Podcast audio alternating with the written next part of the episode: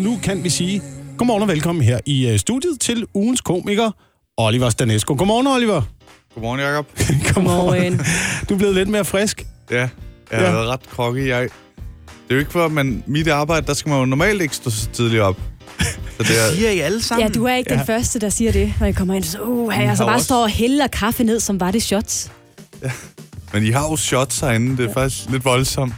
Men, men sådan arbejder I bedst her på Radio 100, er det ikke? Jo, jo, jo, jo. Vi ja. arbejder bedst på shots. Ja, sådan er det. Men du er kommet herind i bil øh, her til morgen, Oliver. Nyslået bilist. Ja, jeg Tillykke fik, med kortet. tak, jeg fik kørekort for øh, to og en halv uge siden. Nå, det Ui. er så nyslået, Ja, det simpelthen. er sådan, nyt. Jeg har ikke engang fået det der plastikkort. Jeg har stadig det der papkort, Nå, som, øh, hvor man skal have sit pas med Ja. også, fordi ellers så... Jeg ved jeg faktisk ikke helt, hvad der sker. nej, men det ikke i er orden Der sker et eller andet, har du fået at vide. Hvordan var det at køre herind til morgen? Jeg var meget... Jeg har, ikke, jeg har ikke prøvet at køre så træt før, så det var meget... Øh, meget sådan lidt, lidt øh, spændende. Lidt for spændende. Er du den der øh, fornemmelse af, at øh, du ved, man lige, øh, man lige ikke ved, hvad man, øh, hvad man laver, eller hvordan man er nået dertil, hvor man er nået? Nogle gange så kan man køre i sin bil, specielt om morgenen, og så tænke, "Hvor- hvordan er jeg kommet hertil? Ja, Ja, ja, ja. Er jeg kørt igennem det der lys? Var jeg der- var der jeg grønt? følte faktisk ja. først rigtigt, jeg begyndte at opfatte, hvor jeg var, da jeg kørte ind i Ballerup, og jeg lige så, der var sådan et på gensynskilt. Åh, oh, vildt nok, jeg er i Ballerup. Hvad fanden skal der nu ske? Her er jeg nærmest aldrig. Vi skal øh, tale med dig om øh, showet, der snart er øh, premiere på. Det hedder Kronisk Show. Ja. Og øh, lad os lige øh, kaste et blik på det, efter vi har hørt noget mere god musik. Det her, det er Rasmus Sebak, og Så længe vi danser, og altså med besøg her i morgen, i morgen på Radio 100 af ugens komiker Oliver Stanesco. 7 minutter og 8. Du skulle have sagt undskyld 10 minutter over 8 her i morgen på Radio 100.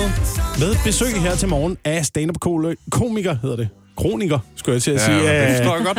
Oli- Oliver Stanesco. Godmorgen, Oliver. Godmorgen. Og øh, grunden til måske, at jeg kommer til at øh, blande ordene lidt sammen, det er jo fordi, at du har premiere snart på øh, showet, som hedder Kronisk Sjov. Ja. Og øh, det, handler jo, det handler jo lidt om øh, din kroniske sygdom. Ja. Du er jo, som du skriver i presseteksten her, den stolte, i gåsetegn, Ja. øh, indehaver af to kroniske lidelser. ja. Sklerose og noget, der hedder trigeminus neurologi. Hold da op. Undskyld. Ja. Det, det er så Ja, sjældent, det- man kun det- bruger det latinske ord, eller hvad? Ja, det, ja, det lyder som et, et ord, der giver fucking mange point i Scrabble eller sådan noget. Ja. Man, du ved. Men det er fodsvamp, eller hvad? Grineren, øh, nej. Øh, spændende sagt her, hvor I har hvor mange lytter hej. Der, er- der er mange, der er mange. Øh, men ja, det er, det er faktisk øh, sådan en... Øh, altså, man får bot, det naven i venstre side af kinden, der går i stykker. Og det bliver faktisk kaldt verdens mest smertefulde lidelse. Men så, de kan så behandle det, og så er den ikke så smertefuld. Okay, okay. Ja. Øhm, Ja. Men nu det her show, som du er snart er på landevejen med, øh, der kommer vel også lidt oplevelser fra øh, kontakten med det danske sundhedsvæsen. Jeg, jeg går ud fra, at der, er, øh, at der er gode historier at tage af. Ja, helt sikkert. Øh, der har virkelig... Det er også... Øh, det er det der, hvordan gør man noget, der er lidt alvorligt sjovt. Men når man sådan lige er i det... Jeg tror også, der er mange, der har sklerose, der tænker, der er mange tragikomiske ting, ikke? Jeg husker lige, da jeg øh, øh, fik det, så skal man igen alle mulige undersøgelser. Og så skal man, jeg skulle have taget sådan noget, der hedder spinalvæske op for hjernen. Det er sådan det væske, der beskytter hjernen, og, og sådan noget, og løber ned langs ryggraden og op igen. Og ja, hvis der er en læge, der lytter med, så lad være med at skrive ind og uddybe det, for det er min historie. Men det, nu bliver det forklaret sådan her. Men det, måden, de ligesom tager prøver af det på, er, at de, de tager sådan en ret stor nål og stikker ind imellem rygvivlerne på dig, mens du øh, ligger i underbukser i fosterstilling på en briks. Og øh, jeg ligger der øh, på den der briks, og jeg har min storebror med at holde mig i hånden, fordi jeg er skide bange. Og så øh, begynder lægen at stikke, og han stikker forkert fire gange i alt. Nej. Og der begyndte det sådan at bløde af ryggen på mig, og du ved, ja, det er sådan helt skørt. Og lige pludselig, da, da jeg ligger der, så banker der på døren, og så kommer der syv sygeplejestuderende ind, og en ny læge. De skal overvære det. og man, man ligger der i, altså for det første, øh, jeg har egentlig ret meget selvtillid, men lige i fosterstilling i underbukser, Øh, der kunne godt tænke mig ikke at møde syv sygeplejestuderende. Ja, det kan Også fordi øh, alle syv var damer. Ja. Seks af dem virkelig pæne. øh, der var en enkelt, der var sådan, "Nå, okay. hun må gerne kigge, det har jeg ikke noget imod. Ej, det lød usympatisk. øh, hun var også okay. Øh, det, det er ret højt at have seks, der er virkelig pæne, jo. Det skal man tænke.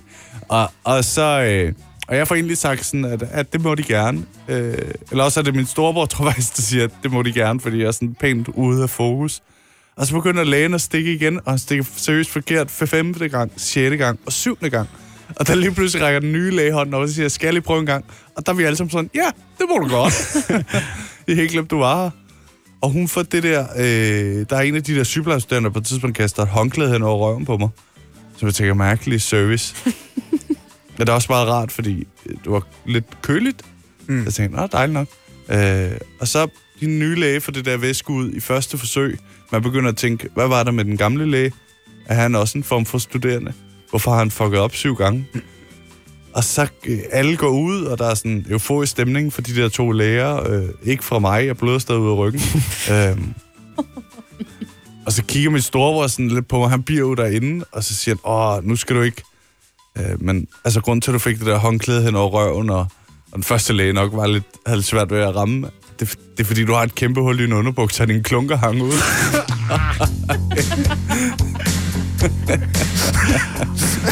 Ja, Så var jeg indlagt i 14 dage yderligere. hvor sygeplejerske studerende de var. Det kom bare på stribe. Ej. Hvad er der klokken 8? Oliver Stanesco, ugens komiker. Godmorgen. Oliver. Hej. Vi har, jo, øh, vi har jo på det her tidspunkt, når klokken nærmer sig halv ni, en lille ting, som øh, vi kalder øh, overvurderet og undervurderet. Og øh, vi har bedt dig tage to med, øh, ting med ja. Den her morgen. Henholdsvis en overvurderet og en undervurderet. Øh, og så siger du, du har faktisk øh, flere overvurderede ting. Men skal vi have to overvurderede, eller skal vi have en overvurderet og en undervurderet? Øh, det jeg synes jeg er en stor ting, at det er mig, der skal stå med det valg, kan jeg mærke. Jeg er ikke, I skal vide, lytter, jeg er ikke blevet forberedt på det her. Det kom fuldstændig bag på mig også, at jeg skal tage stilling til det her nu. Ja, så synes jeg, vi Jeg tager en beslutning og siger, vi vil gerne have for første gang nogensinde to Ja. overvurderede ting. Bryd formatet. Bryd det, Oliver. Oliver, Okay, ikke? okay. Bryd formatet. Yes. Vi kalder det overvurderet overvurderet. Yes. Den første overvurderede ting, jeg gerne vil snakke om, er smør. I kender nok fra jeres brød derhjemme. øh, jeg kan ikke lide smør. Jeg forstår ikke helt, andre kan. Det er en mærkelig ting. Det er, det er noget, du... Altså, det er en form for klister. Men jeg ved ikke, hvor mange, der har prøvet at spise brød øh, med hamburgerbrød, for eksempel. Man kan jo godt klare det uden det klister. Det smager ikke rigtig af noget. Det er en lidt mærkelig ting. Men glider det lige så let ned? Og jeg tror faktisk, måske... Altså, det er jo sådan et restprodukt af mælk. I, I, I har sammen begyndt at snakke om smør og fedt. Det er blevet en dille. Ja, men... det blevet så stort, I ikke... Jeg tror ikke, du kan kalde smør en dille, Ja. Oliver. Jeg tror, det er Det er en kommet på- Det er en døgnflue. Altså, det Ligesom internettet. Ja, nu, nu, jeg- nu, jeg kan godt mærke, at I er imod mig, og jeg skal nok få den hjem, den her. Øh, det kan godt være, at jeg bliver hadet. Øh, jeg har fået hadbeskeder før. I skal bare vide, at jeg er klar på det. Jeg står i chasse og kan tage hadbeskederne. Men øh, jeg tror, det er opfundet smør. Altså, det er jo først et ord til marmelade. Smør. Kan du smøre marmelade på? Og så er nogen, der tænkt, det er et ret fedt ord. Det burde have sin egen ting. Ja. Øh, Er det noget, du ved noget om det her? Eller er Hva? det en tese, du har? Det, det er noget, jeg har tænkt på i de sene nattetimer. Mm. Skal I bare vide? Nå, så er det mere, at, at, at smør er ikke, det er ikke et produkt, det er noget, man gør. Du smører noget. Det burde det have været. Det har det først været, tror jeg. Du kan også øh, du kan smøre alt muligt, men nu... jeg har langt hjem, kan jeg mærke. Så du, vi, har, vi har det her gule her. Hvad skal vi gøre med det? Det her gule her, resten fra mælken, hvad, hvad gør vi? Jamen, øh, altså, du kan smøre, De er blevet smør, snydt smøre det ud over Arla. noget. Arla har snydt os til at kunne lide det. Men det smager jo godt. Det er jo ikke, fordi det smager dårligt, og så Hvad vi vender os det til at smage. Det smager sådan lidt blødt og sådan Jamen, lidt, det, det er øh, lidt muligt konsistens flødeagtigt. noget. Nej, det, jeg synes, at det er dejligt at få på et stykke brød. Mm. Og fordi så, også hvis brødet er en smule tørt, så, så bliver det mere lækkert, hvis der kommer noget smør på. Du er ikke fra Jylland, kan jeg høre, vel? Hvad? Du er ikke fra Jylland? Nej. Nej. Mm. Smør er lækkert. Ja, smør burde fjernes. smør burde fjernes. Og lige efter man har, har fjernet smør, så synes jeg egentlig, man burde øh, fjerne den øh, kæmpe interesse, der er for at gå på stranden, når man er på ferie. Ja. du, øh, du har jo lige ofte været på et hotel. Der er en strand uden sand. Det kalder vi en pool. Der har vi hygget os. Man behøver ikke få sand mellem øh, tæerne. Jeg vil sige neglene, hvis du godt kan lide at gå på alle fire som en form for dyr. øh, men øh, jeg hader stranden. Jeg forstår ikke, hver gang jeg er på ferie, så skal vi altid, nej, skal vi ikke gå ned til stranden? Bliver der sagt af måske nogle fremmede, jeg er kommet til at gå tæt på. Der, som jeg så vælger at følge efter. Det er også min egen fejl, egentlig. Men Jamen, jeg er med dig. Jeg er med dig. Øh, Jeg forstår heller ikke stranden. Og jeg Nej. keder mig øh, gudsjammerligt efter bare et kvarter. Ja. Ja. Når man ligger på det der tæppe tænker, hvad, hvad skal vi så lave? man kan Jamen, så kan vi jo gå ud i det der... 14 minutter. Ja, det og, spe- og specielt hvis man er i Danmark på stranden. Altså, du ved, der kan du ikke engang gå i vandet. Nej, nej, nej. Det kan Nå, man men da det er godt. også tit, tit vandet er jo ret nederen. Men det er jo Altså, koldt, og der er tang og krabber og sådan noget. Så kan man finde sig, hvor der er en badebro og noget dejlig sandbund. Jamen se, du begynder allerede nu at snakke om noget andet end strand. Det er sådan Når du, opgraderet. når du, du taler om bredden, altså du taler om, om derinde ved sand, der kan man da bare lægge sig ned, så er det dejligt blødt og tage noget sol. Man kan også finde nogle skaller eller nogle flotte sten. Nu snakker du om badebro. Det vil jeg lige at holde fast i. øh, fordi der går du ud på noget, der ikke er s- sandt. Du prøver at gå væk fra det. Man har lavet den, så man kan komme forbi det. Så du kommer ud på det dybe vand, hvor du kan svømme uden at ramme sandet, der også er nedenunder. Ja. Øh, det er fuldstændig forfærdelige ting. Øh, det er jo små sten, faktisk. Det vidste du ikke, kunne jeg mærke. Tak for mansplaining, Oliver. Og det var altså for første gang. Det er mega fejhold. Noget meget overraskende, som jeg ikke vidste om dig, Oliver, det var, at øh, du er blevet trænet, pacet som barn. Ikke til stand-up, men, øh, men til tennis. Ja. Som en anden lille Wozniacki. Fuldstændig. Øh, Udover at jeg ikke er halv polak. Jeg er halv rumæner. Og Nå. min far... Ja, det, tak. Det er faktisk sjældent, jeg får det. Sådan. Nå, nå, ja, det, Meget anerkendende. Men jeg, jeg, har, jeg har jo i mange år troet, det var sådan lidt sexy, simpelthen at være halv rumæner, indtil jeg fandt ud af, at det er slet ikke det samme som at være halv italiener. Det har ikke helt samme klang. øh, men det troede jeg, øh, indtil jeg sådan fandt ud af, at det var ikke noget, damerne synes var nice. Men min far er professionel, eller gammel professionel, han var professionel tennisspiller som ung. Øh, og det gjorde, at det var min første drøm at blive ligesom ham. Og så øh, bliver jeg, jeg begynder at gå til tennis, og, og bliver trænet meget af min far, der jo kommer fra et meget fattigt land, øh, hvor man træner på nogle lidt andre måder, fordi faciliteterne ikke er helt de samme. Så jeg kan huske nogle øh, episoder, hvor jeg er blevet tvunget af min far om vinteren til at stå og flugte med ham ude i sneen. Altså, jeg tror, jeg tror, jeg har været sådan ni år. Jeg har stået helt frustreret som et lille barn, og ikke kunne komme igennem til denne... Også fordi han har, han har jo et fantastisk argument.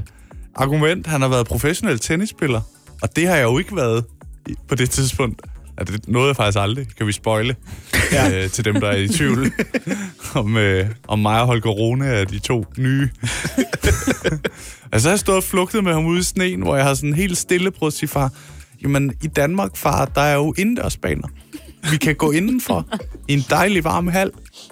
Og han er blevet sur og sagt, Oliver, hvis du er professionel tennisspiller, så er det sådan her, vi gør. og jeg har, jeg har simpelthen manglet argumenter. Altså, jeg vidste, at min mor var på min side, men, men hun havde heller ikke været professionel tennisspiller. Så det var noget med bare at stå og flugte, og blive ved med en gang imellem lige at pinpointe ham. Der er jo indendørshaller. Lad os flugte videre. Men det er vel sådan, han har trænet, da han ligesom har Jamen, altså, kommet i gang med sin karriere. Men det er jo også et helt andet sted. Fuldstændig. Øh, han, han, han var det i, i Rumænien, hvor det, faktisk øh, han blev trænet af sin far. Øh, det er sådan en generationsting, der er stoppet med mig. han har prøvet at føre den videre, men det, var, det blev det ikke. Jamen, Du blev da en form for mester, gjorde du ikke det? Jo, Ja. jeg blev Sjællandsmester i u 14 i A-rækken. Som til folk, der er i tvivl, det var ikke uge 14, men aldersgruppen U14. Altså folk under 14 år. Der i A-rækken, der blev jeg Sjællandsmester. Ja, der var ingen af de andre børn, der havde trænet i sneen. Nej, og dengang troede jeg, det var en form for start på en stor karriere. Nu ved jeg, at det var kommunikationen på at træne i sneen, der kom der. Det kunne ikke blive større. Vi er, vi er glade for, at du er blevet stand-up-komiker i hvert fald. Showet hedder altså Kronisk Sjov og har premiere den 15. september. Shivers Shivers her fra Ed Sheeran 846 er klokken med besøg i studiet af stand-up-komiker Oliver Stanesco. Hej Lars. hej, hej. Det er noget, de lige hørte det. Oliver kom lige til at snakke lidt ind over musikken. Men det er, fordi vi har ikke lys i mikrofonerne herinde, så, så vi ved, at mikrofonen er tændt, når Jakob brækker hånden op. Og det fik du ikke lige set, Oliver. Nej. Det er helt fair. Vi er 100% øh, analog her Ja, på, øh, på. Radio Jeg 100. kan sige til lytteren, jeg er jo rød i hovedet lige nu. Det er, Og det kan vi bekræfte. Vi har kun en øh, sidste ting øh, på programmet, øh, Oliver. Normalt, når vi har haft øh, stand-up-komikere på besøg, så, øh, så stiller man et spørgsmål til hinanden. Afgående komikere stiller et spørgsmål til øh, nyankomne komikere. Mm.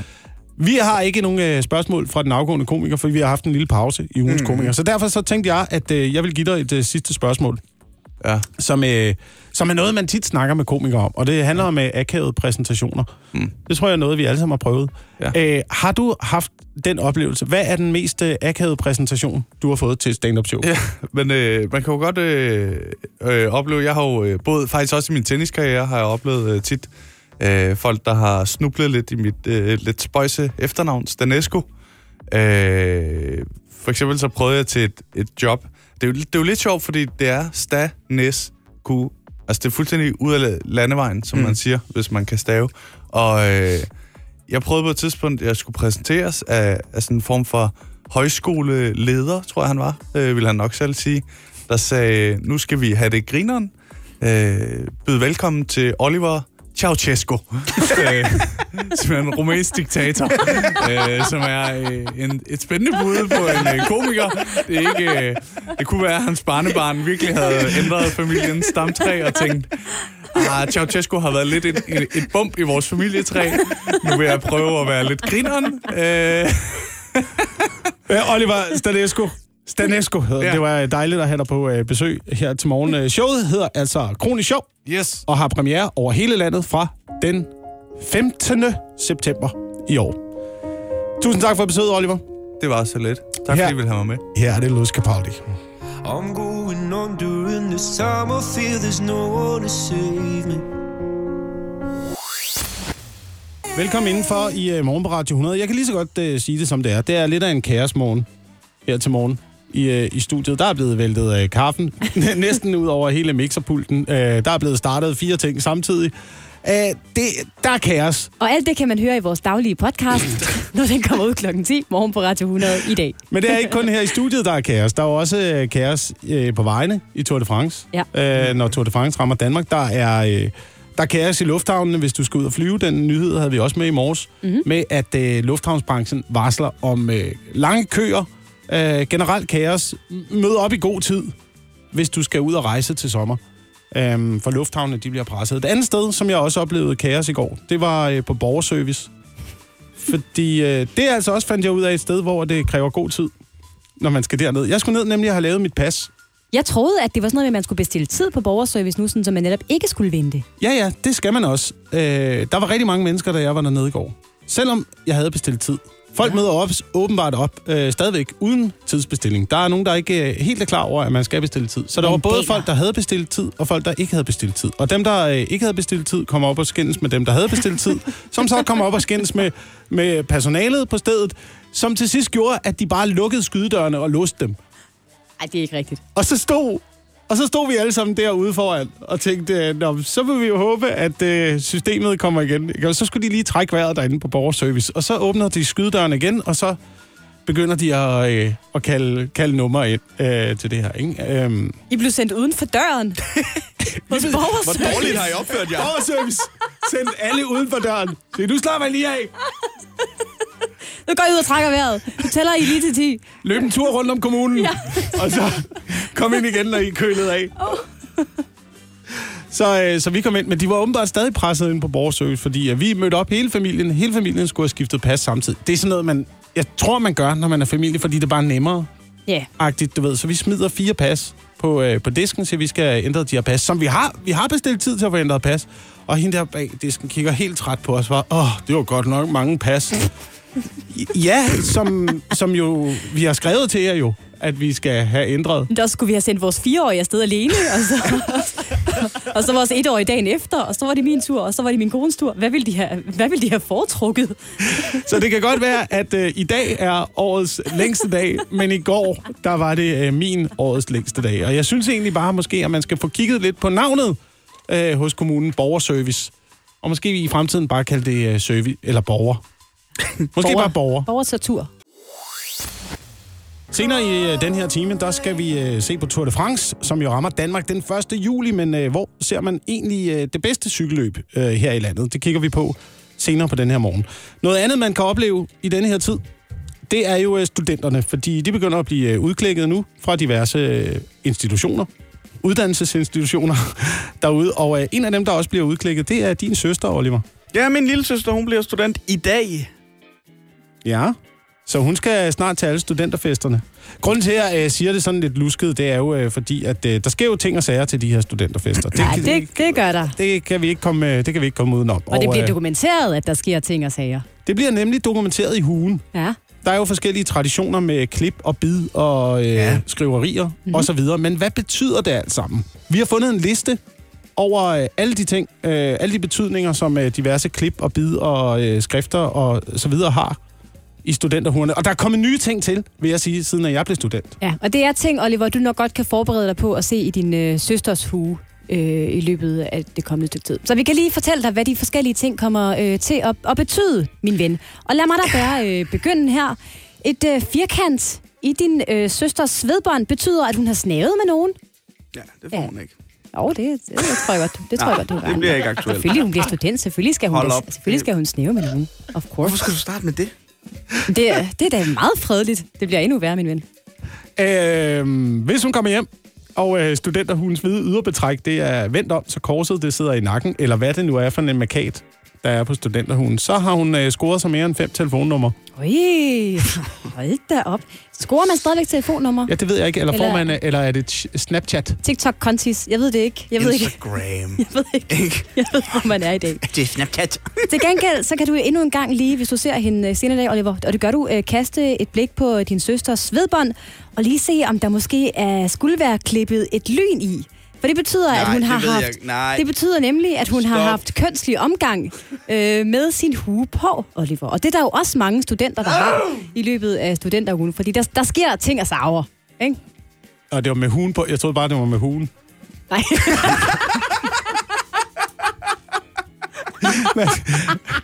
Så skal man ikke have noget. Så skal den bare vaskes. Lige før jeg synes, det er bedre. Så skal man have frataget sin hue igen. Der er også nogle regler, jeg synes, der er for hårde her. Altså, jeg, det, det her var også meget en regel, som vi opererede med. Det er det der med, at hvis man kaster op i løbet af studenterfesten, så giver det et hak i, øh, i skyggen. Og det synes jeg altid har været en for hård regel. Et, et hak i skyggen, hvis man kaster op. Ja, hvis man kaster op, Ja. ja. så øh, får du... Fordi det, det, er så, øh, det er sådan en stor ting, den der studenterhue, og så bliver den ødelagt i skyggen. Og det der med at kaste op, det kan jo skyldes mange ting. Det behøver jo ikke nødvendigvis være, fordi du har drukket for meget alkohol til en fest. Det kan jo være, fordi øh, øh, Kates mor og far serverede nogle jordbær med chokoladeovertræk, der ikke var helt gode. Det lyder som Så om, du taler fik- erfaring Ja, her, ja, Jacob. så- ja vi, fik, ondt- vi havde ondt i mausen alle sammen. Det er lang tid siden, du blev student, hvis dem, du gik i klasse med, hed Kate. Og er det hjem til Kate i dag. Det er en for hård straf. Jeg siger det bare. Ja, det er jeg enig i. Du lyder lidt, lidt bitter her. Jeg synes, Hellere det, brække sig, end at trække sig. Det har jeg altid sagt. jeg synes, det er et, Ja, ja. Jeg synes, det er et hædersmærke, at man lige... Det er bedre, end at komme til udpumpning, kan man sige. Det kan man jo øvrigt også komme, og så kan man score en øh, sygeplejerske. Og hvis man gør det, så øh, bliver øh, studenterhugens hagerem revet af, hvis vedkommende altså øh, scorer en sygeplejerske under øh, udpumpning. Så hvis, hvis hun man ikke er har til... nogen, hvis hun ikke har nogen hagerem, så er det fordi, hun har haft kønslig omgang med sin øh, Ej, sygeplejerske Anne. efter, øh, efter udpumpning. Eller under udpumpning, det ved jeg ikke. Om du tager dem, der er lidt mere sober, synes jeg. Jamen, jeg har, øh, okay, så får du en, den er ikke så super her. Et bølgetegn. Et bølgetegn. Øh, studenterhudens øh, svedbånd skal have et bølgetegn. Hvis øh, studenten hoppede i havet, øh, eller i en havn, kun indført huen. Det vil sige, lad være med at opfordre folk til at hoppe i havnen. Ja, det har man haft dårligt. Det gjorde ja. vi da, da jeg blev student. Der hoppede, ej, det var så Åben Rå Fjord. Men øh, Jamen, så må du ikke få en bølge. Du skal Jo. være havnen eller have. jeg, har En en fjord bølge, gælder ikke. jeg har en bølge. Jo, jo, det Det gælder. gør det jo tydeligvis Jeg har en bølge i min hat. Ja. Der står ikke noget om, man skal have tøj på, eller ej. Ej, det skal man ikke. Man skal kun have hugen på, jo. Det er jo det, der, oh, det er, det, der okay. er hele konceptet ved det. Okay. Okay, hvis øh, din søsters ydre betræk på hugen er blevet fjernet, det vil sige, det hvide er blevet fjernet, så er det fordi, hun har, har knaldet med en af sine lærere. Ja, flot. Godt. Færdig. Hun skal... Nej. Men tillykke med hende. Må man overhovedet det i dag? Er det ikke? Det var, og hvis, Det ved jeg ikke. ja, jeg ved det ikke. Hvis øh, betrækket bliver sat på igen, så er det fordi, han har fået en MeToo-sag fra Hansen. Det er den 1. juli, at verdens største cykelløb Tour de France rammer de danske landeveje. Der er enkeltstart i København. Og øh, herefter, så kan man opleve feltet i øh, to dage. Cyklerne rundt på, øh, på de danske landeveje. Jeg ved i hvert fald her i studiet, der er to af os, der er i tvivl, om vi skal ud og se øh, Tour de France live. Ja, den ene af dem, det er mig i hvert fald. Ja, den anden af dem, det er mig. Ja. øh, og det er jo ingen hemmelighed. Jeg er et stort, øh, vil man også kalde det sportsøger. Jeg er i hvert fald øh, glad for sport. Ja. Cykling er bare ikke en af de sportsgrene, der sådan virkelig fanger mig. Jeg vil gerne se de store etapper til Tour de France. Altså kongeetappen. Kongeetapperne, Bjergene, lige ja. præcis.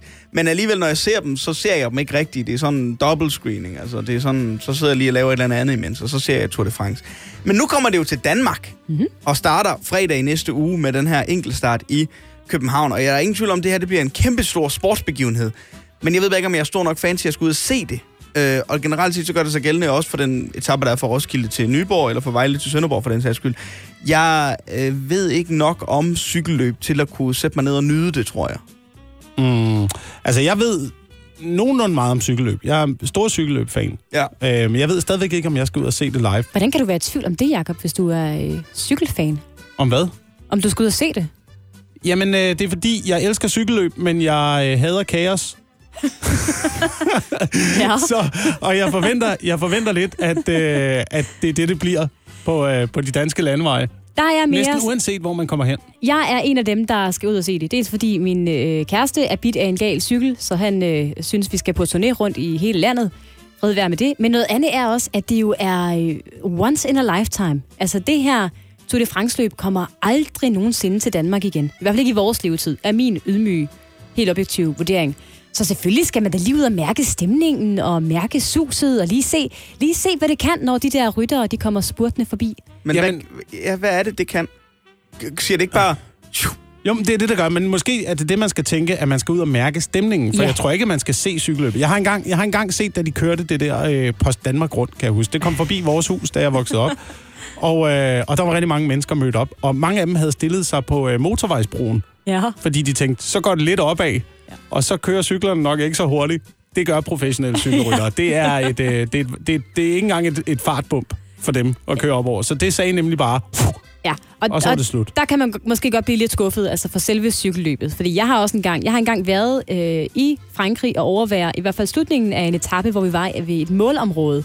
Og vi ventede i, jeg, jeg føler, det var fem timer på, at de der øh, cykel, cyklister kom øh, spurtende forbi. Og forinden der var der jo en time med sådan noget paradekørsel, hvor der kom den ene vogn efter den anden og kastede ting ned til publikum og la da da. Og så kom de der cyklister om sider, og det var overstået på, jeg tror det var 10 sekunder. Og så var, så var det ligesom det. Og, og så var det en dag, ikke? Ja. Find et sted, det er min anbefaling, find et sted, der ikke er anbefalet at tage hen og se uh, Tour de France, og så tage derhen. Er det fjernsynet, eller hvad? Ja, det er fjernsynet. det må det være. Det er øh, tirsdag den 21. juni. Det betyder også, at det er årets længste dag. Det er sommersolværv. Det er jo dagen, hvor den nordlige halvkugle bliver badet mest i lys fra den store kugle, der, øh, der hænger op på øh, himlen. Senere, senere på den her morgen, der skal vi også kigge på øh, årets mentalt længste dag. Fordi øh, den er blevet øh, regnet ud ved hjælp af forskning.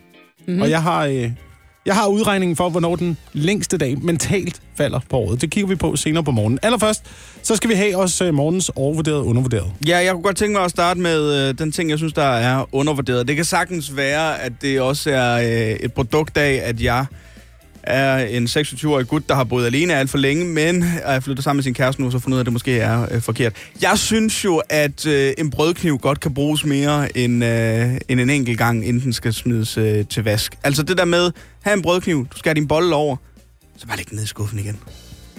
Og det synes du er undervurderet? Ja, det synes jeg er undervurderet. Mm. Den behøver ikke blive vasket op efter det.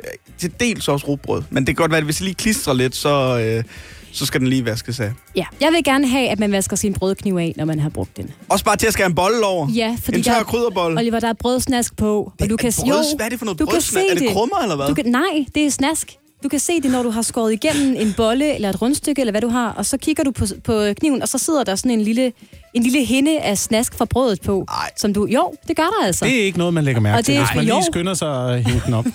Det er frose, der, Anne. Det er vandfros. Du Nej, behøver fordi- ikke bruge vand på det. Jeg siger ikke, at du behøver at finde, øh, finde din velopvaskede middel frem, eller smide den i opvaskeren. Jeg siger bare, skyld den der lige under en hale, hagen tør den lige af med noget køkkenrulle, så kan du lægge den ned i skuffen igen. Så du tænker med køkkenrulle. Ja, hvis det lige er sådan noget hurtigt noget, eller hvis der... Det kan man Ja, der vil jeg sige, skær din bolle over, tag dit viskesæk, bare lige kør den op langs, og så ned i skuffen med den. Det er undervurderet. Men det bliver den jo ikke ren af. Ja, Så- den får lige, du får lige det bare værste der snavs af. Det må jeg på bare kniven. sige. Det må jeg bare sige. Mm. Det er undervurderet. Uh, Hvad siger din kæreste? Jamen, hun ved det ikke før. Hun har lige fået det at vide.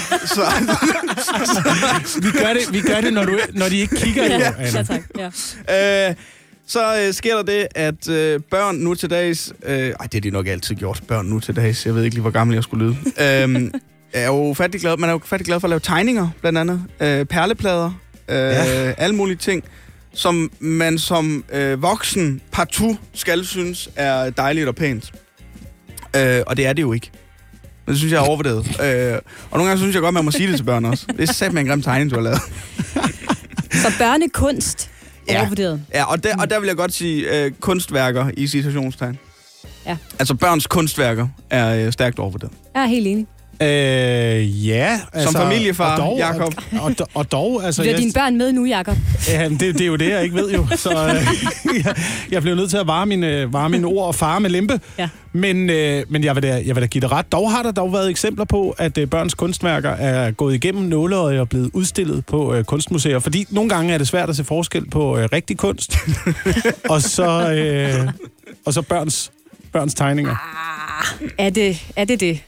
Jeg synes, børnekunst tit er noget med noget... Øh, nu har jeg en niese på, på tre. Det er meget noget med noget tusfarve, der bliver krimset og kramset rundt på et stykke papir. Og så hænger hendes bedsteforældre det op. Ja. Altså mine børn er i en alder nu, hvor at de tegner lige så meget på papiret, som de tegner på sig selv. Ja.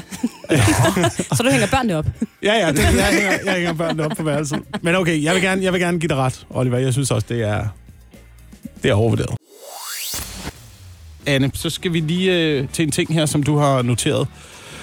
På vores øh, rundown, som det hedder. Jeg gider ikke at være sådan en type, Ja. har du skrevet. Jeg er i... Øh, jeg vil godt kalde det en personlighedskrise i øjeblikket, ja. fordi jeg kan godt erkende nu med mig selv, at jeg bevæger mig længere og længere væk fra mine oprindelige sønderjyske, gode, solide rødder. Og det er ikke en rar erkendelse at, øh, at gøre sig. Og jeg vil gerne forklare jer, øh, hvad det bunder i. Det bunder i, at jeg den seneste uges tid har måttet øh, revurdere, hvilken kaffetype jeg er. Jeg startede med at drikke kaffe som 15-årig. Man begynder tidligt okay. i Sønderjylland, og det var, og det var sort. tidligt. Man, dri- man drikker sort kaffe i Sønderjylland. Ja. Så flyttede jeg væk fra Sønderjylland, og fandt ud af, at det er meget lækkert med, med noget mælk i kaffen. Det gjorde de andre på mit studie. Jeg tænkte, Nå, det kan man også gøre. Spændende. Siden da har jeg drukket mælk i kaffen, hvilket min mor har haft meget svært ved at tolerere. Hver gang jeg har været hjemme, og hun skulle servere kaffe, så har hun sagt, skal du stege have mælk i kaffe? Fordi hun kan ikke rigtig forstå, at det er en, at det er en Nej, ting. er det en ting? Ja, Ja. præcis. Det ødelægger jo smag. Men øh, nu viser det sig så, efter at øh, min gode kollega Oliver Rautgelitsch i sidste mig. uge lavede en, en kop kaffe til mig. Det var meget sødt af dig, Oliver. Ja. Du kom ind og serverede den og sagde, det er en god kaffe, du har lavet til mig i dag. Hold nu op, hvor er den god, sådan en god Ja. ja. øh, kop kaffe med noget mælk i. Hvorfor smager den så godt, når du laver den? Det viste sig, at du havde serveret for mig en latte. Og det vil sige, at jeg er gået fra øh, kulsort kaffedrikker til nu at være en form for latte-type. Og det bryder jeg mig ikke om, fordi for mig er latte indbegrebet af de der spæltkvarterer i storbyerne, som man ikke har lyst til at identificeres med. Ej, nej, nej, nej, nej. Øh, at dem der, de der, der bor i øh, små rækkehuse inde i storbyen. Til 20 millioner. Ja, Ja, ja. ja. ja lige præcis. Og De drikker cortado plantebaseret. med sojamælk, så det behøver du ikke tænke. Okay, gud skal Det er over latteperioden, Anne. Okay, men latte, jeg ved ikke helt, jeg er lidt ked af, at jeg er den type. Må Jamen, ikke- altså, øh, det, definerer du dig selv ud fra, hvilken kaffe du drikker? Jeg synes, det siger meget om folk, Jacob. Ja, Ja. enig. Det synes jeg faktisk. Og jeg kigger på folk, når de tager kaffe, og, og dømmer dem øh, for det. Men det er jo først, når du går på Espresso House og bestiller en stor kaffe latte, du har problemet. Ja, det er rigtigt. Okay, hvorfor? Jo, men det er jo bare, altså der, det er jo ude i fuld offentlighed, hvor du så siger, hej, Nå. jeg skal bede om en stor kaffe latte, tak. Og så kigger alle folk på dig sådan, nå, det er dig. Og du er, godt." den, du er den type. Men altså, Ja, skal, jeg du, skal, du, skal du have den med og drikke den øh, for dig selv et eller andet hemmeligt sted? Sådan, Nej, jeg skal bare have den her. Ja. Jeg forstår ikke uh, frustrationen fra din side af, fordi, og det har jeg også prøvet at påpege for dig, at du er et, uh, et kaffe latte menneske på alle mulige andre områder i dit liv. Altså, det, er jo en, ikke, det er jo en kedelig drik, en kaffe latte, ikke? Åh, oh, det var hårdt sagt. Men, men du har ret, den er sådan lidt, den er sådan lidt blar i det. Men det er måske også det, jeg, gider- jeg gider ikke være et kedeligt menneske, der drikker kaffe latte og bor i Nej. et rækkehus. Må jeg gætte på, at du har en kaffe latte farvet væg inde i dit soveværelse måske, eller sådan noget? Hvad, hvilken kaffetype drikker I? Jamen, øh, jeg, Du drikker sort, Jacob. jeg drikker sort Ja, kaffe. du er også fra Vestjylland. Jamen, jeg har, dog, jeg har dog været over. Jeg har også lavet den der, som du har lavet med, at lige få den serveret med mælk. Ah, det smager godt. Lad, en, en ting, jeg vil fraråde dig. Lad være at prøve at komme sukker i. Ja, ej, det, ej, der kommer jeg aldrig hen. Den dag skal I slæbe mig ud i gården og give mig et markedskød. Ja, men det smager for vanvittigt, altså. Oliver, i morges, da du kørte på arbejde, der fortalte du, at øh, du så noget, der fik dig til at ønske dig tilbage. Tag mig tilbage til den Tag mig gang. tilbage til de dage. Ja, det tænkte jeg øh, i allerhøjeste grad, da jeg kørte på arbejde i morges, og også i tirsdags, da jeg så min lille søster få sin øh, studenterhue på. I morges, der var, øh, så endnu den, der var. Når man kører på arbejde øh, inden for øh, indre byer i København, eller faktisk København er generelt set om øh, tidligt om morgenen, så kan man jo møde folk, der ikke helt er færdige med at feste endnu. Og det er studenterne altså ikke klokken øh, kvart i fem, eller mm. sådan noget. Der, der fester de altså videre. Så der er mange fulde studenter. Og det fik mig bare til at tænke på, at jeg jo godt gad og bare have den uge igen. Studenteruge. Altså sådan, og sætte sæt lidt mere pris på den, end jeg tror, jeg gjorde, da jeg blev student. Jeg synes bare, det var sjovt at tænke, nu! nu er alt det hårde forbi. Nu skal jeg fejre det med at feste, tænkte jeg. Og så begyndte det hårde liv jo egentlig derefter. Øh, men at sætte mere pris på den uge der, og, og lige have den igen. Køre i studentervogn, køre i... Øh, vi var ude og køre i, i hestevogn også, skulle til at kalde det. Det hedder det ikke. Øh, Det hedder det hestevogn. Hestevogn. Jamen, Ja. så hestevogn. Og, øh, og veteranbiler og sådan noget. Øh, øh, veteranlastbiler. Og, og så bare lige sætte pris på det. Et hak mere. Og sige, øj, det var altså en god tid, det der. Men du har jo ret i, at det for mange vedkommende er den hvad hedder sådan noget, mindst bekymringsfyldte uge i deres liv. Altså det er Ja. måske det tidspunkt i ens liv, hvor man er mindst bekymret over livet overhovedet, fordi man har overstået noget, man synes har været hele ens liv. Det har det været. Og man ved ikke rigtig, hvad der venter en af lort ja. forud. Ja, ja, rigtigt. Men jeg vil også sige, studentervognsturen, det er noget af det, jeg husker tilbage på, som noget af det fedeste i mit liv. Det der med at køre i studentervogn og øh, få folk til at dytte øh, Ja. øh, og stå og hoppe til musik, som, øh, som jeg garanteret ikke kan holde ud og høre øh, på i dag. Jeg tænker, at det kunne være sjovt at, at genopleve det. Og samtidig så tror jeg også, at hvis man gør det i dag, så er det nok ikke lige så sjovt, som det var dengang. Nej, hvis du gør det i dag. Præcis. Nej, nej, man skal, jo, man skal jo også lidt, lidt være altså, i det der mindset, man havde dengang. Ja, og, og det er også, jeg tror også, det er noget med, kender det, hvis man har et minde om en, en god film eller en god sang, man hørte meget på et tidspunkt, og jeg synes, det var mega fedt. Og så sætter man, sætter man det på 10-15 år senere, og så tænker man, var det det? Og det er det, Ja. jeg synes var så genialt dengang. Jeg kan slet ikke... Jeg, sådan, det gjorde jeg på et tidspunkt med, med Bamses julerejse. Jeg synes, det var den mest fantastiske julekalender som barn. Så købte jeg den som voksen på DVD, og jeg øh, faldt i søvn efter to afsnit. Jeg synes, det var frygteligt. Det er også mærkeligt. Det hedder med også en mærkelig ting. Hold kæft, det var god, mand. Ej, skal der se Bamses julerejse? Her det Gabriel. Knew the signs. Senere i øh, den her time, der skal vi jo altså se på øh, den øh, store historie, som vi alle sammen talte om øh, sidste år, når vi skal have vores øh, throwback torsdag. Og det var jo, øh, hvordan man forsøgte i Tokyo at forhindre atletisk parring. Som du Øh. kalder det, ja. Ja, kønslig omgang mellem atleterne, som åbenbart var et øh, udbredt, øh, meget udbredt fænomen. ja. Øh, allerførst, så skal vi se på Sankt Hans. Det skal vi, fordi det er i aften, at der øh, nok er mange af os, der har planlagt at øh, besøge diverse bål rundt omkring i landet, der bliver stillet op, og der skal holdes båltaler, der skal måske også grilles. Vi skal fejre midsommer nemlig. Og øh, i den forbindelse er der jo mange, der plejer at sende øh, en øh, heks afsted til Bloksbjerg. Ja. en heks af på bålet. Der er nogle steder, man er holdt op med at gøre det, på grund af noget noget politisk korrekthed og noget historie osv. Men øh, vi har lidt lavet en liste over ting, som vi gerne vil brænde af på bålet. Ting, som vi gerne vil sende afsted til Bloksbjerg. Og øh, jeg kan se, der er kommet mange forskellige øh, ting ind på listen. Vi har alle sammen øh, bidraget til den. Jakob Ja. og Oliver. Det har vi. Og Oliver, vil Mhm. du øh, begynde med noget, du har skrevet ind? Ja, jeg vil gerne have den øh, svenske landsholdstrøje brændt af. Den svenske Men det er en landsholdstrøje. tradition i min familie. Ja. Vi brænder altid noget fra Sverige af i det bål der. Det skal fandme væk. Lige så traditionelt som at brænde en heks af, så brænder I noget fra vi Sverige. brænder. Vi sætter en svensk landsholdstrøje på heksen. og så er det ellers bare afsted. Det synes jeg også skal brænde. Til Bloksbjerg, ja. Mm, jeg øh, har øh, legetøj, der kan spille. Ja, det er fordi, du har to børn, gætter jeg på. Ja, det er fordi, jeg har to børn. Og dem Øh, kan du ikke brænde af. Nogle gange tænker jeg også, øh, gæster til en fest, der kommer med legetøj, der kan spille, som Ja. man ikke har bedt om. Og det er jo vores privilegium som, øh, som barnløse Ja, folk, der kommer og besøger folk, der har børn. Specielt når I leverer det med sådan en lille grin, Ja, så er der lige en øh, gave til børnene. og ekstra mange batterier. Og lidt trumsæt. Ja. Værsgo. Selv tak. Hey, hygge jer. Jeg vil gerne øh, brænde øh, paddeltennis af.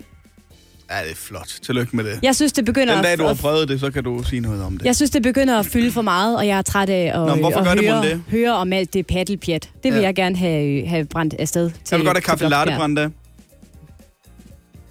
Siger du og kigger mig stift i øjnene. Nå, men altså, hvis du vil gøre personligt, så kan jeg da også gå personligt på den. Og det er fordi, jeg tidligere har sagt, at jeg er begyndt at drikke kaffe latte. Jeg Tak vil skal du også godt have IPA-øl brændt af. Jeg har jo øh, stor fortaler for, at man boykotter IPA. Hvad er det, det for er? søren. Jamen, det øh, kan du lige citron? Ja, Jamen, så prøv at drikke en IPA. Det er så surt, som noget det kan være.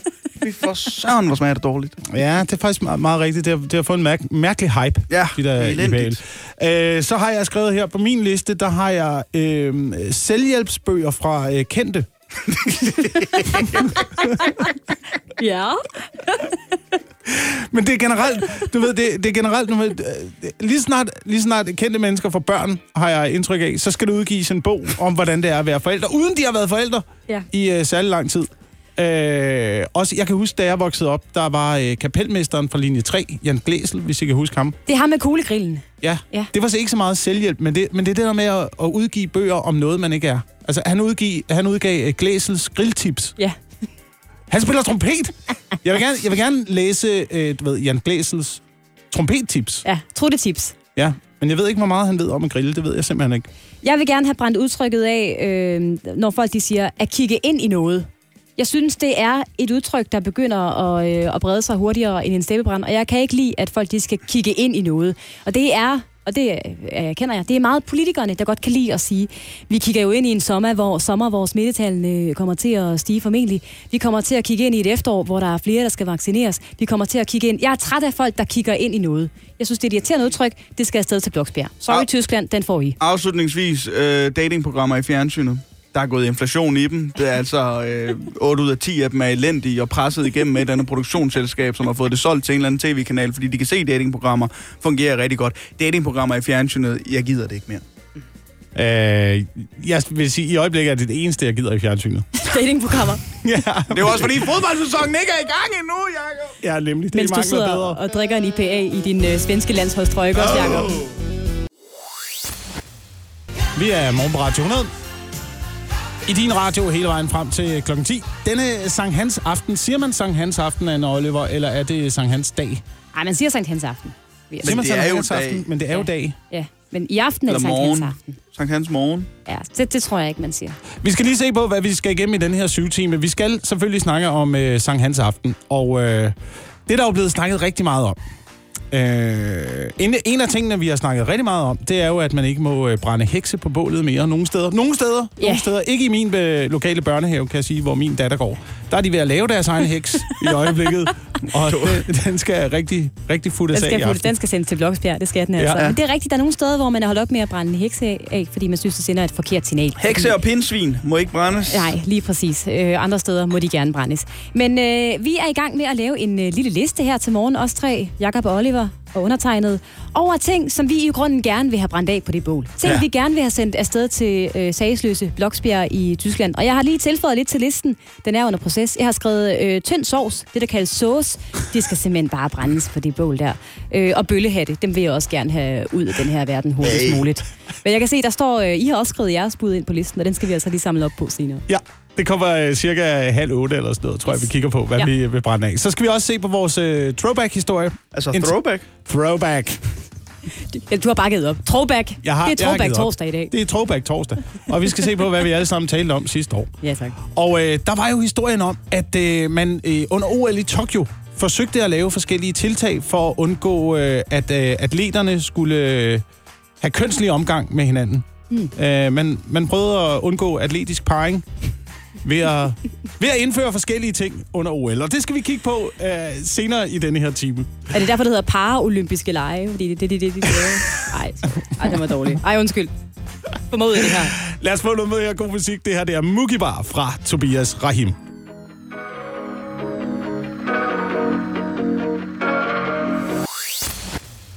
Det er torsdag, og det betyder, at vi her i morgen på Radio 100 nu skal kaste os over øh, sladderbladene. De udkommer jo om øh, torsdagen, så lad os få åbnet de kulørte blade og se, øh, hvad der sker hos de øh, kendte og kongelige. Jeg har været en tur i Se Jeg hører, Oh, Dejligt blad. og i... Har du, du, du skal vaske dine fingre efter programmet. fordi... Det er noget det er beskidte blade. Ja, det er rigtigt. Men øh, det er faktisk ikke så beskidt, som det er en fascinerende og flot historie, der er med fra øh, Se og Hør. Anders Madsen, Anders Anden Madsen, kæmpe dansk komiker jo. Muligvis ja. en af de største, der har været. Han øh, har indset, at, han vejede for meget. Det gjorde han faktisk i efteråret sidste år. Så han, nu, nu skal du simpelthen til at gøre noget ved det her, Anders.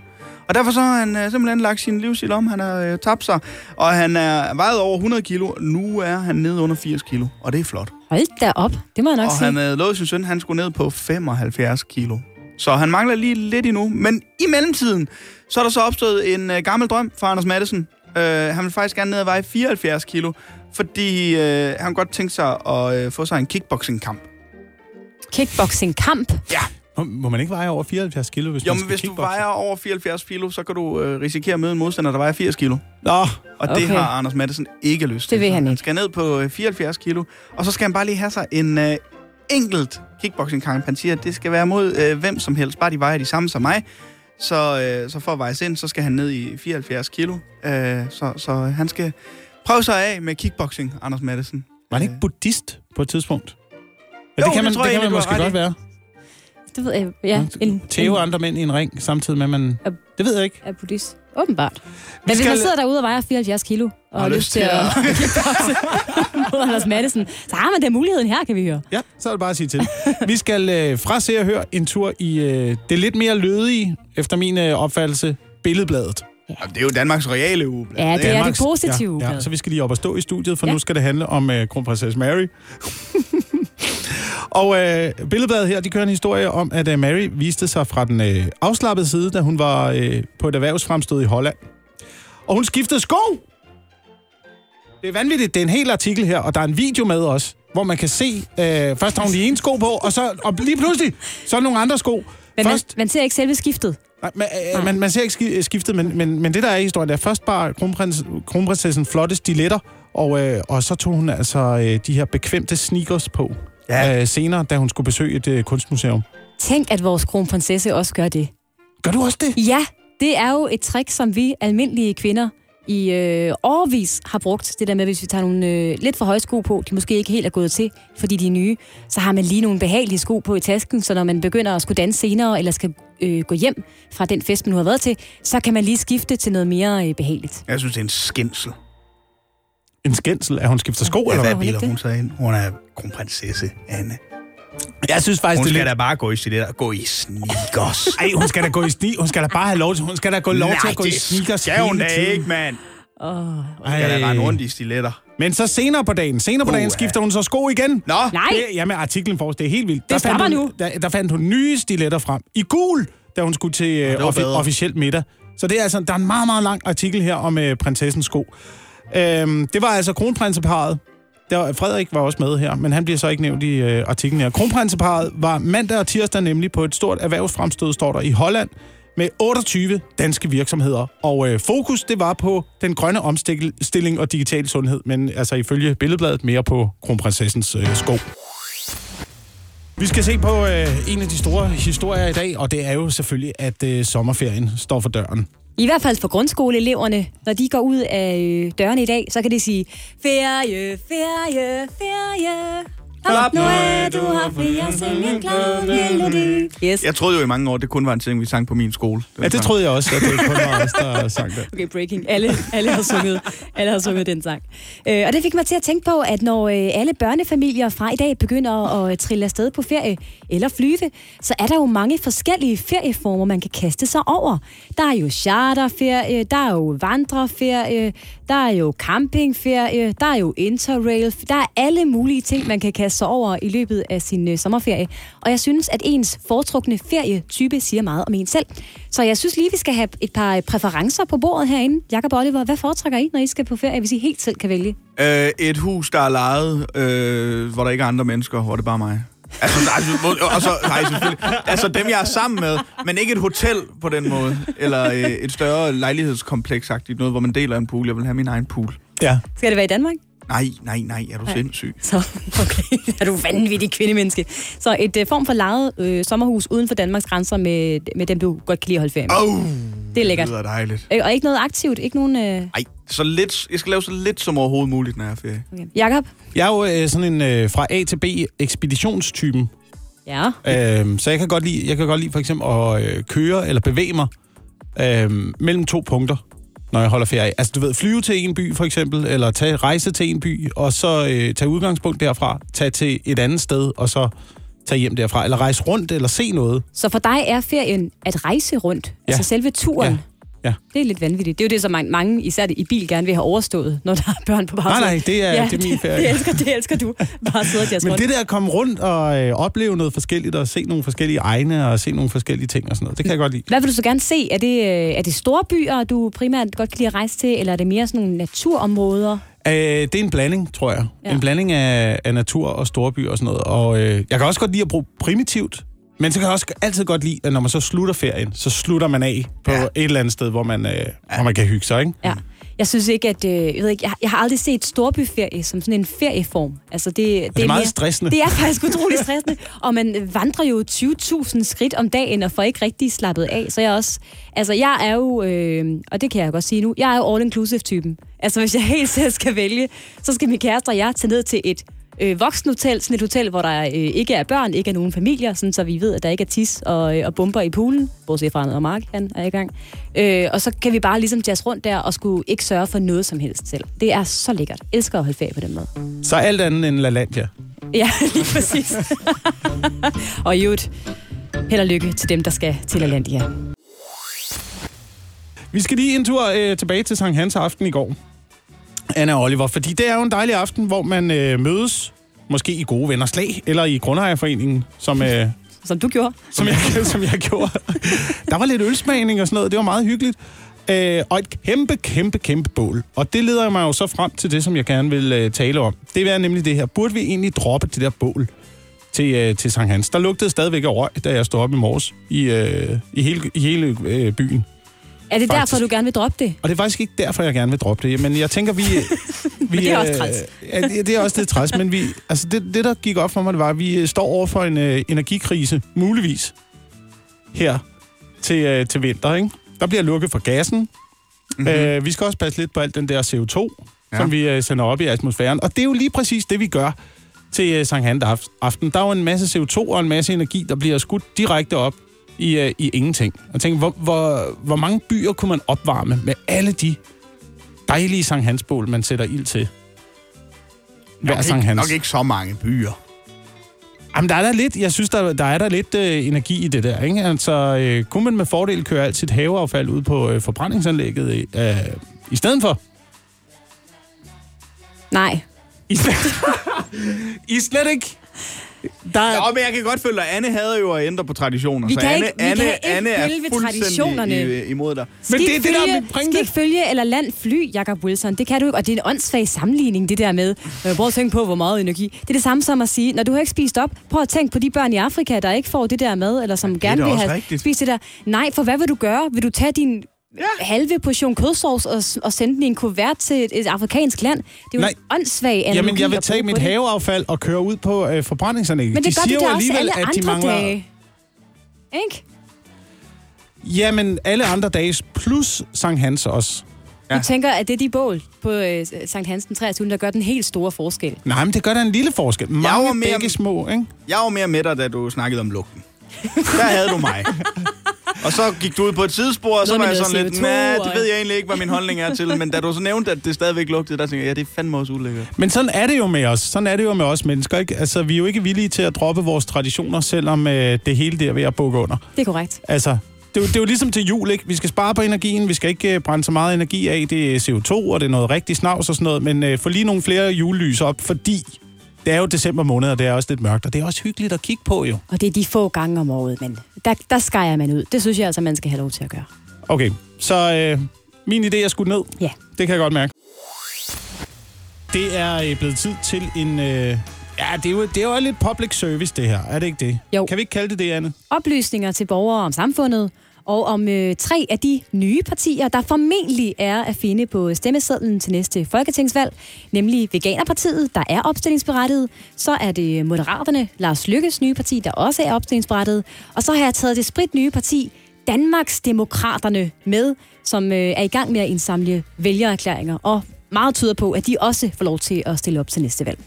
Jeg har lavet nogle øh, spørgsmål, og de er professionelt udviklet. Det vil. Ja. sige, det er fuldstændig kamufleret, øh, hvilke partier de forskellige spørgsmål knytter sig til. I skal svare, hvad der falder jer ind, og så vil jeg efterfølgende komme med mit bud på, om der er et af de tre partier, som, øh, som I vil være glade for at stemme på, som repræsenterer jeres syn på livet. Ja, tak. Okay. I er klar til første spørgsmål? Det lyder sådan her.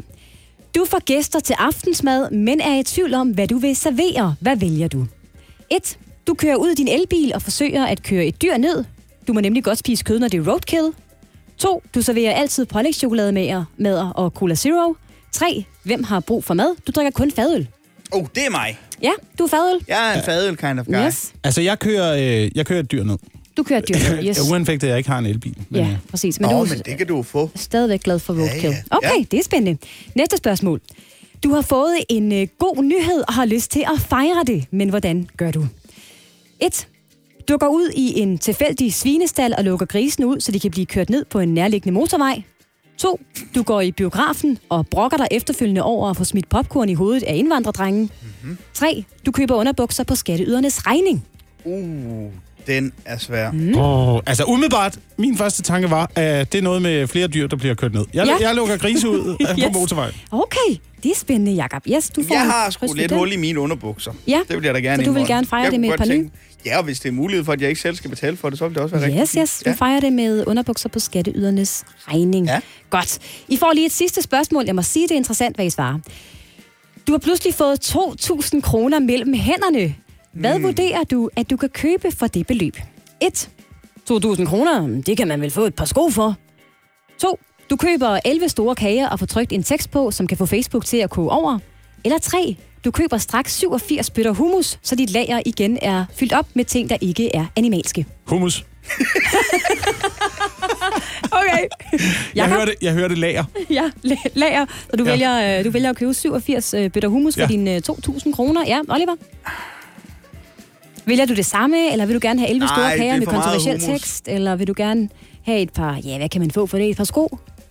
Jeg synes kager... Nej, sko. Sko. Ja, du, vælger, et par sko til 2.000. Jeg altid godt kunne tænke mig at prøve at eje. du vælger sko. Godt. Ja. I får lige et øh, sidste, sidste spørgsmål, og så tror jeg, jeg har et klart billede af, hvor vi går hen. Hvis du på et tidspunkt skulle komme til at begå noget kriminelt, hvilken forbrydelse ville så bedst passe på dig? 1. Du vil formentlig bruge dit kommunale skatteborger, skatteborgerbetalte kreditkort på at købe smøger og gå på diskotek. 2. Du vil formentlig kokblokke nogle asylansøgere. 3. Du vil bryde ind i en privat grisestal for at afsløre, at det er alle danske landmænd, der er de virkelige svin. Jeg bryder ind i en grisestand. ja. Jamen, jeg har en svigerfar, der har nogle grise, så jeg tror ikke, han bliver så glad for det. Nej. Vil du Øh, kokblokke nogle asylansøgere? Nej, det har jeg sgu ikke. Den gør man det. Så ud fra udelukkelsesmetoden. Ja. Og også ud fra, hvis jeg, hvis jeg, hvis jeg tror, jeg havde sådan et, øh, altså et, øh, et firmakort, Ja. så kunne jeg muligvis godt på et tidspunkt komme til at bruge det. På nogle smøger og noget diskotek. Ja. Ja, præcis. Så det-. Glad for de skattebetalte ting. Ja. Også øh, underdrengene. Yes. Ja. Ja. Det er interessant det her, venner, fordi øh, jeg har nu et øh, resultat, fuldstændig objektivt, savligt resultat, der viser, at øh, I bliver nødt til at oprette et nyt parti. Vi mangler simpelthen et parti, der repræsenterer jeres holdninger. Så jeg tror godt, vi kan regne med, at der kommer 16 partier til, på listen til Folketingsvalget, når vi skal stemme næste gang. Held og lykke med det. Jeg har forberedt en øh, masse spørgsmål om øh, ugen. Jeg har forberedt øh, nogle øh, dejlige lyde til jer. Hvis I svarer rigtigt, så får I denne lyd. Mm. Ah, svarer man dog øh, forkert eller for langsomt, Nej! Yeah! så øh, kommer svenskerne efter jer. Ja. Så øh, er I klar? I er jo altså på hold sammen. Ikke rigtigt. Jeg tror aldrig rigtigt, man bliver klar til den her frygtelige, frygtelige opfindelse af en quiz, Jacob. Men okay, jeg er klar. Oliver? Yes. Det er godt. Så lad os øh, prøve at øh, kaste os ud i øh, Danmarks mest stressende quiz. Kronprinsesse Mary var under et, på et besøg i Holland, men hvor mange gange skiftede kronprinsessen sko? Tre. Hvem har stiftet et nyt parti? Inger Støjberg. Hvem bliver fuldstændig digital efter nytår? BT. Hvad vil pensionister blive tilbudt efter den 1. september?